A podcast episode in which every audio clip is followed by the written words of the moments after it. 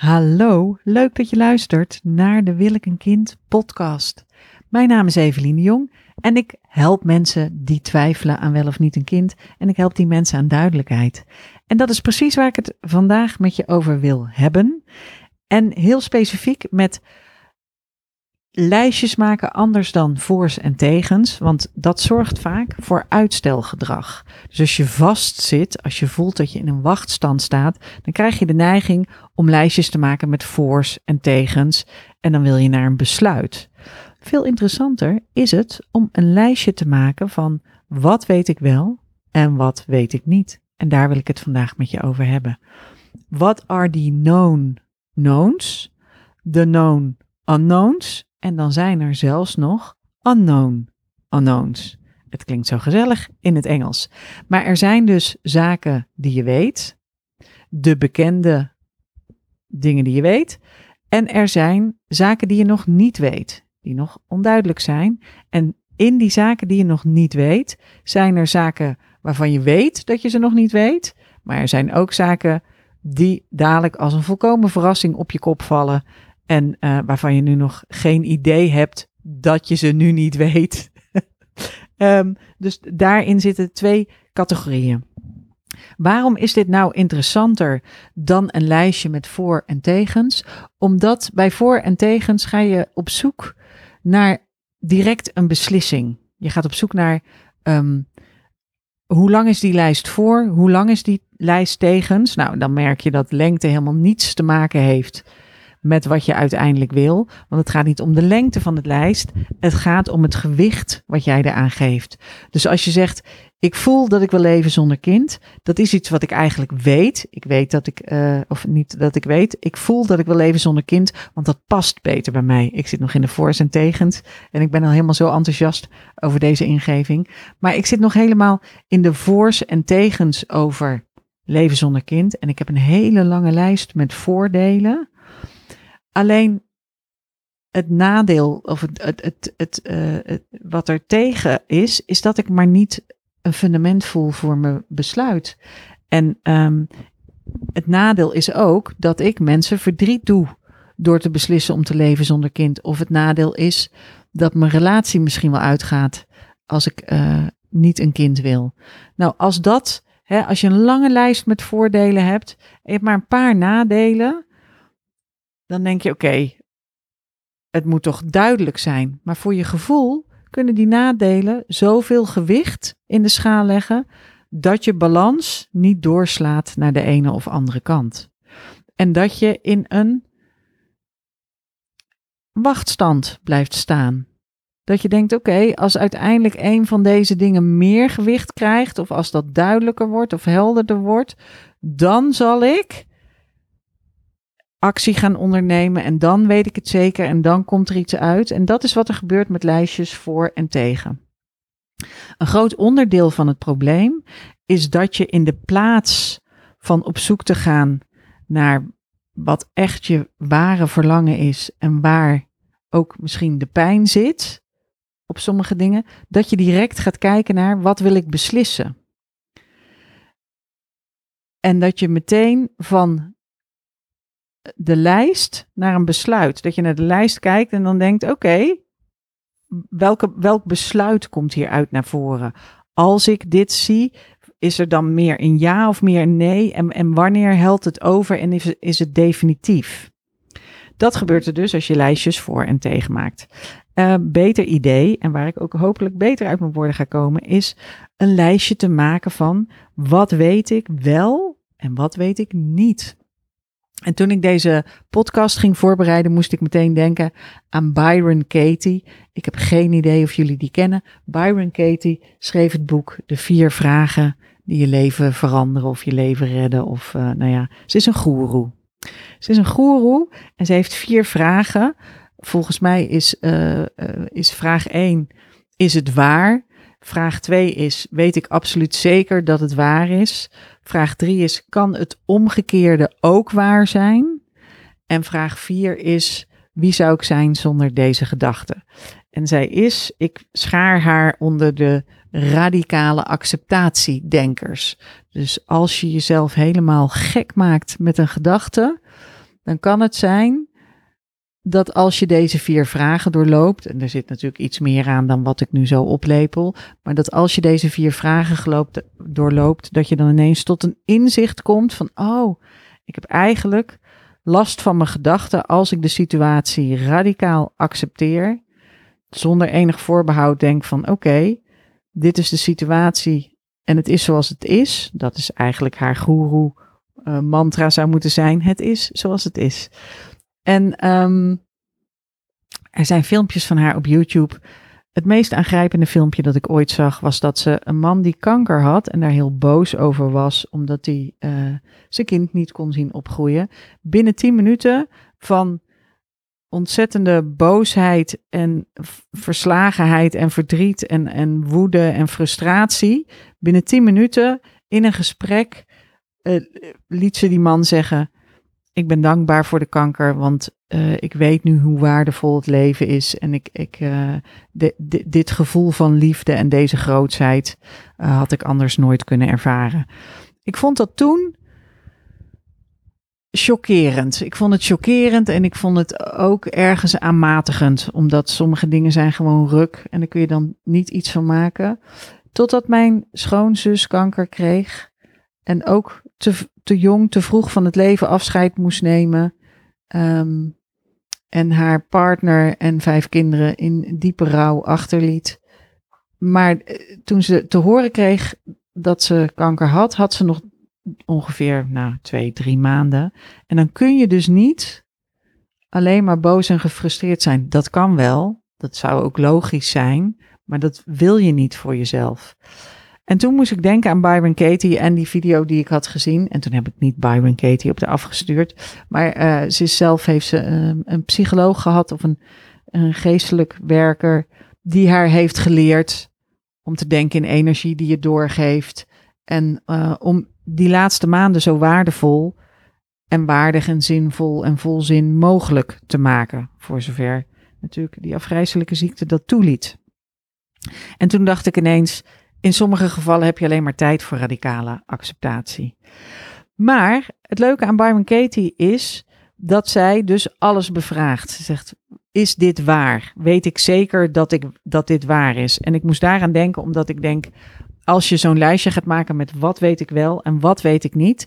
Het helpt je om uit je uitstelgedrag te komen, omdat het je um, deze vraag zet je op het pad van waar je zit in je proces.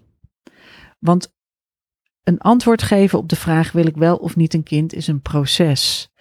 En het vervelende is dat we in onze samenleving doen alsof er een een epiphany komt of een blikseminslag of absolute duidelijkheid of 100% zekerheid. Ik moet een beetje grinniken, want ik verkoop natuurlijk duidelijkheid. Met het kinderwenskompas hè, geef ik je 100, kun je bij mij 100% duidelijkheid kopen. Um, en dat, er zijn nou allemaal mensen ingestapt die ook zeiden: Ja, jij belooft dat. En omdat je dat belooft, ben ik dit traject gaan doen. ik zei: Nou, dat komt ook goed, want aan het einde heb je ook duidelijkheid. Maar dat is een proces. Daar ben je drie maanden mee bezig en daar moet je ook best wel voor werken. En je bent er niet in één keer. Dus het eerste wat ik doe, is mensen er oké mee laten zijn dat ze nog, nou, een dikke twee maanden ruimte maken voor twijfel en het niet weten. En dat is wat dit lijstje ook doet voor je kinderwens. Maak een lijst met dingen die je wel weet, die je zeker weet. En, en dan zijn de vragen van Byron Katie: is dit waar? Weet ik absoluut zeker dat dit zo is? Zou het omgekeerde ook waar kunnen zijn? Dat is een interessante vraag, hè? Dat is eigenlijk net zo verfrissend als de vraag die ik stelde in het opiniestuk in de, in de Volkskrant. Hè? als je heel de tijd bezig bent met wil ik moeder worden, wil ik moeder worden, is dan de vraag, zou je vader willen worden? Is ineens heel veel frissend. Nou, als je denkt van ja, maar mijn vriend wil geen kind en hij vindt het niet goed als ik een kind krijg met een ander, is dat waar? Kun je absoluut zeker weten dat dat waar is? Of is het een antwoord dat jij voor jezelf geeft in je hoofd? Dat je, maar je kunt het pas zeker weten als je het aan hem vraagt en hij geeft dat antwoord. En als je hem dan ook nog even de tijd geeft om te incasseren. Want misschien is dat wel zijn eerste antwoord, maar niet zijn laatste antwoord. Nou, wat weet je nu zeker. En als je daar een inventaris van maakt, ik ging op vakantie en ik dacht, oh my god, op vakantie, daar gaan we weer. Ik moet nu dus inpakken. En inpakken is voor mij, ik moet nog gediagnosticeerd worden met ADHD of ADD of iets van een chaotische aandoening, zodat we daar een verklaring voor krijgen. Maar inpakken voor vakantie is niet mijn forte. En um, wat ik wil leren nog zelf, is om minder mee te nemen, namelijk alleen de spullen die ik gebruik. En uh, dan wel de dingen bij me te hebben die ik bij me gehad zou willen hebben. Dus dat ik niet op vakantie weer sta van, oh kak, mijn bril. Mijn bril heb ik niet bij me. Dat is echt onhandig, want ik wil mijn lens uitdoen en dan toch nog iets kunnen zien. Dan heb ik een bril nodig. Maar dat je dus alles bij je hebt, maar precies de dingen vergeten bent waarvan je denkt, oh, dat was echt handig geweest. En dat je zoveel schoenen en kleding bij je hebt dat je denkt, nou ja, ik trek toch iedere keer die grote gele jurk aan, want dat zit gewoon het lekkerst. En verder heb ik genoeg onderbroeken nodig en verder niks. Dus um, wat, wat mij helpt als ik op vakantie ga, is een lijst te maken van oké, wat weet ik dat ik nodig heb? Ik weet dat ik mijn lenzenvloeistof nodig heb, mijn bril nodig heb, tandenborstel. En dan maak ik gewoon een hele lijst. En die kan je vrij snel maken. En waarvan weet ik het niet? Nou, ik weet niet, wil ik nou wel of niet daar ook nog iets doen aan mijn werk? Ik denk altijd dat ik dat wil en als ik er ben, doe ik het nooit. Dus heel langzaam leer je daar zelf ook beter in zijn. Uh, denk ik dat ik deze dikke pil ga lezen daar. Nou, dat dacht ik. Ik had de ooievaar en de dromedaris mee. En er is niks van gekomen. Nou ja, die ene dag dat ik wilde gaan lezen, lag ik op het strand en liep ik eventjes naar de bar om een glaasje water te halen. En toen klapte ik onderuit en dat deed zoveel, verzwikte mijn enkel. En uh, dat deed zoveel zeer dat ik eigenlijk de rest van de dag dat boek bijna niet meer aangeraakt heb. Um, maar weet ik, en door zo van wat weet ik, wat weet ik al, daarmee definieer je van, oh ja, hier ben ik. Dit zijn de dingen die ik al weet. Ik weet van mezelf dat ik denk dat een kindvrij leven het beste bij me past. Of ik weet van mezelf dat ik graag moeder zou willen worden. En misschien weet je ook wel dat je graag moeder zou willen worden als het vanzelf zou komen op de liefde. En misschien weet je ook wel dat je moeder zou willen worden als je 100% zeker zou zekerheid zou krijgen dat het uh, een gezond kind zou zijn en dat het goed zou komen. Nou, dan maak je daarnaast de lijst met dingen die je niet weet. En daar kun je alleen op zetten de dingen waarvan je weet dat je ze niet weet. En in het geval van de kinderwens kun je dus zeggen: Ik weet niet tot hoe lang ik mezelf de tijd wil geven hierover. Of ik weet niet of dat ik ook een kind zou willen in intentioneel co-ouderschap met een homo-ouder. En dan kun je dat dus gaan onderzoeken. En verrassend genoeg komen er ook vrouwen bij mij in het kinderwenskompas terecht die al aan het daten zijn voor intentioneel co-ouderschap of die al bezig zijn met een bekende donor, maar daarna toch een, een intuïtief fundament missen. Dus dat kan. Maar door te definiëren wat weet ik al. Dus je kunt ook denken dat je zeker bent over dingen en dan gaandeweg ontdekken dat er toch nog iets mist. Maar laten we voor het gemak even zeggen, er zijn dingen die je wel weet, dingen die je niet weet. De dingen waarvan je weet dat je ze niet weet is, nou, je kunt bijvoorbeeld, komt er dan op de lijst, leven zonder kind, weten wat ik niet weet. Ik weet niet of dat ik daar ooit spijt van ga krijgen. En dan kun je daar een onderzoeks van vragen. Ik weet niet hoe verdrietig mijn ouders zouden zijn als ik ze kan uitleggen dat een, een leven zonder kind beter bij mij past. Ik weet niet hoe mijn vriend zal reageren of vriendin. Dus er zijn dingen die je wel weet en dingen die je niet weet. En als je uh, uh, hieraan begint, dan is het belangrijk om jezelf te bedenken: wat is nou eigenlijk het doel? Wat wil ik doen?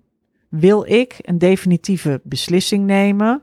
Of wil ik uit de wachtstand komen? En mijn advies zou zijn om dat te doen. Ik zou zo'n lijstje, wat weet ik wel en wat weet ik niet, gewoon eens maken als eerste stap, als start. Dus als je doel is om te onderzoeken waar er nog onontgonnen terrein ligt, wat nog onbekend voor je is, waar de twijfel hem in zit, dan is dat de handigste lijst om te maken. Wat weet ik wel, wat weet ik niet. En ehm, voor mij was bij mijn kinderwens, laat ik mezelf als voorbeeld nemen, ik wist dat ik een kind wilde. Ik wist ook dat ik dat wilde als bekroning op de liefde. Ik wist ook dat ik bereid was om naast een bekroning op de liefde andere opties te onderzoeken voor een kind. Ik wist zelfs dat ik het zo graag wilde dat ik ook mezelf heb ingeschreven voor de spermabank. Dat wist ik toen nog niet heel zeker dat ik dat wilde, maar ik dacht, ik doe het, just in case. En toen ik aan de beurt was bij de spermabank, wist ik ook dat ik zo graag moeder wilde worden en niet meer wilde wachten, dat ik mijn toenmalige vriendje meevroeg om mij te begeleiden tijdens de inseminaties. Hetgene wat ik niet wist dat ik niet wist, is dat allebei mijn eileiders dicht zaten. En wat ik ook niet wist toen, uh, en, en, uh, uh, en voor mij onbekend was ook toen, en voor iedereen nog, want niemand wist dat nog. Ik wist niet dat dat vriendje dat meeging naar de spermabank, uiteindelijk mijn levenspartner zou worden en met mij het IVF-ICSI-traject zou gaan doen. Dat waren grote onbekenden waar ik door zorgvuldig in het proces te kijken van oké, wat weet ik wel en wat kan ik dus daaraan al doen en wat weet ik niet en wat moet ik dus nog onderzoeken en wat zijn dan de eerstvolgende onderzoeksvragen. Nou, dat is mijn uh, korte en krachtige advies. Is een leuke oefening als je nou eens ergens zit en je denkt, ik wil hier even iets, hè, het zit me dwars. Het zit me dwars dat ik mezelf, dat ik uitstelgedrag vertoon dat ik maar blijf twijfelen over die kinderwens, dan maak geen lijstje voor en tegens, maar maak een lijstje wat je wel weet en wat je niet weet.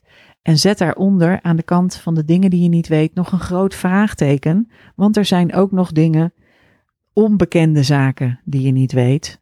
En uh, nou, dat zijn de grootste klappen en de grootste cadeautjes. In mijn eigen geval, want iedereen weet hoe het is afgelopen. Hè? Of misschien weet je dat nog niet. Dan zal ik daarmee deze podcast afsluiten. Wat ik niet wist toen ik geïnsemineerd werd, was dat allebei mijn eileiders dichtgingen. Ik wist ook niet dat de man die mijn handje vasthield, uiteindelijk al die vruchtbaarheidstrajecten. Ik weet nog dat wij um, naar het ziekenhuis gingen en dat ik daar contrastvloeistof in mijn baarmoeder kreeg. En daardoor kunnen ze dus zien of dat je eileiders dicht zitten. Ik had daarvoor al een kijkoperatie gehad en daarvan vrij lang moeten herstellen. Uh, om naar de buitenkant van mijn eileiders te kijken. En nu gingen ze dus naar de binnenkant kijken. En um, uh, ik kwam daar naar buiten. Je, je hebt direct, terwijl ze dat, die procedure, die dat aan het doen zijn, die medische ingreep, nou ja, medische onderzoek. Terwijl ze dat aan het doen zijn, zie je het resultaat. Want die mevrouwen in die uh, paarse lode jurkjes, het is net alsof je in Star Trek zit en je ligt daar en ze doen die contrastvloeistof erin, dan, um, dan kunnen ze nog proberen om dat wat harder erin te spuiten, zodat ze eventueel die eileiders doorspuiten. Maar dat gaat niet echt. En ik zei tegen die mevrouw, kun je dat niet doen? Kun je niet harder spuiten? En gaan ze dan misschien niet open? Toen zei ze nee. Uh, als wij zien dat mensen krom trekken van de pijn, dan houden we op. Dat is onze, onze medisch-ethische standaard. En daar had ze ook gelijk in. Uh, en ze zei, het, ze zitten vrij dicht aan de baarmoeder, zitten je eileiders dicht. Dus de kans dat er daarna ook nog verklevingen in zitten, die is heel, uh, die, die is substantieel. Dus uh, we houden ermee op. En je hebt dichte eileiders. Dus nu is het duidelijk wat het probleem is. Um, ik was daar toen niet meteen heel blij mee. Dus ik kwam huilend naar buiten. Ik kwam huilend naar buiten. En mijn, mijn, mijn levenspartner, mijn lief, ving me op. En die zei, terwijl ik huilend naast hem in de auto zat, wat wil je? En ik zei, nou, ik wil gewoon um, een dikke jonko. Ik wil een carbonaatje en een film kijken. En toen hebben we Full Metal Jacket gekeken. Het was een... En we hebben een joint gehaald. En ik heb een dikke biefstuk ik heb biefstuk of een carbonaatje gegeten. Ik heb geen idee, ik moet er nu niet aan denken. Dat wist ik toen ook nog niet. Maar goed, dit is jaren geleden. Dit is, nou, weet ik veel, 15 jaar geleden of zo. Um, minder, iets minder. Maar uh, toen was dat nog helemaal niet zo erg. Um, en dat hebben we toen allemaal gedaan. En toen zag ik ook nog, ik had een tijdje gedate met een goede Nederlandse acteur. Uh, voor co-ouderschap, intentioneel co-ouderschap. En terwijl ik dus televisie zit te kijken om nog de DVD-speler aan te sluiten voor Full Metal Jacket. Wij hadden toen nog DVD-spelers, waren al die streamingdiensten, bedenk ik me nu, waren er toen ook nog niet. En toen gingen we Full Metal Jacket kijken en vlak daarvoor kijk ik het journaal. En toen zag ik dat die acteur waar ik mee gedate had, dat die was overleden. Dus het was heel raar. Ik zat daar op de bank en ineens wist ik allemaal dingen die daarvoor volkomen onbekend waren geweest. Uh, en paden op het gebied van mijn kinderwens. Ik denk graag op het gebied van, op het gebied van mijn kinderwens, denk ik graag aan, aan paden, aan wegen uh, die je in had willen slaan en die ineens afgesloten waren. Waaronder de weg natuurlijk zwanger worden. En um, wat ik toen ook nog niet wist, terwijl ik heel verdrietig was, was dat door dit alles, door al deze avonturen samen, ik en mijn lief uiteindelijk samen dat IVF-traject zijn gaan doen. En daar heb ik ook nog heel vaak gehuild en heeft hij ook nog vaak de juiste vragen en de goede dingen gezegd. Ik weet ook nog dat ze bij het IVF-traject in het vuurziekenhuis zeiden van nou mevrouw, u bent op leeftijd en als, uh, als u niet goed produceert, hè, dus wij gaan dat, dat IVF-traject doen, maar als u niet, als, als wij vinden dat het zinloos is, dan behouden wij ons het recht voor om dit traject af te breken. Want ze hebben hele goede cijfers bij het fysieke En die houden ze door alle kansloze gevallen, zoals ik op mijn veertigste, uh, weer de deur te wijzen. Maar gelukkig hebben ze uh, volgehouden. En, en, werd er uiteindelijk één eitje geoogst. En dat ene eitje zit nu op school. Dus je kan maar mazzel hebben. En mijn lief deed dus uiteindelijk, na ook best wel hè, ruzie en woorden en um, boos, boos zijn. Boos op een bevroren bankje in de Ardennen zitten tijdens een brommerweekend. Um, daarna deed hij toch met me mee. En is het, uh, nou, bundle of joy. What can I say? Maar ik weet ook nog niet wat er komen gaat, hè. Er zijn dingen waarvan ik weet dat ik, dat, dat ik ze niet weet. Namelijk, blijven we in Amsterdam wonen en uh, wat voor schooladvies krijgen ze en dat soort dingen. En dan zijn er nog een hele hoop onbekende dingen. Onbekende zaken die ik niet weet. Maar het is dus goed om jezelf aan de gang te krijgen, krijgen en te zien van, oh ja, dit zijn de dingen, hè, daar heb ik relatief zeker, ben ik daarvan. Hè? Als, als Byron Katie aanbelt en zegt, is het waar? Kun je absoluut zeker weten dat het waar is? Dan zeg ik ja, Byron. Dat is dus de voornaam, vind ik ook heel raar. Uh, ja, mevrouw Byron Katie, ik weet dat dit, dit zijn de dingen die ik weet. Dit zijn de dingen die ik weet, dit is helder voor mij.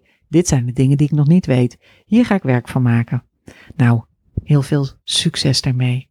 Alle liefs van Evelien.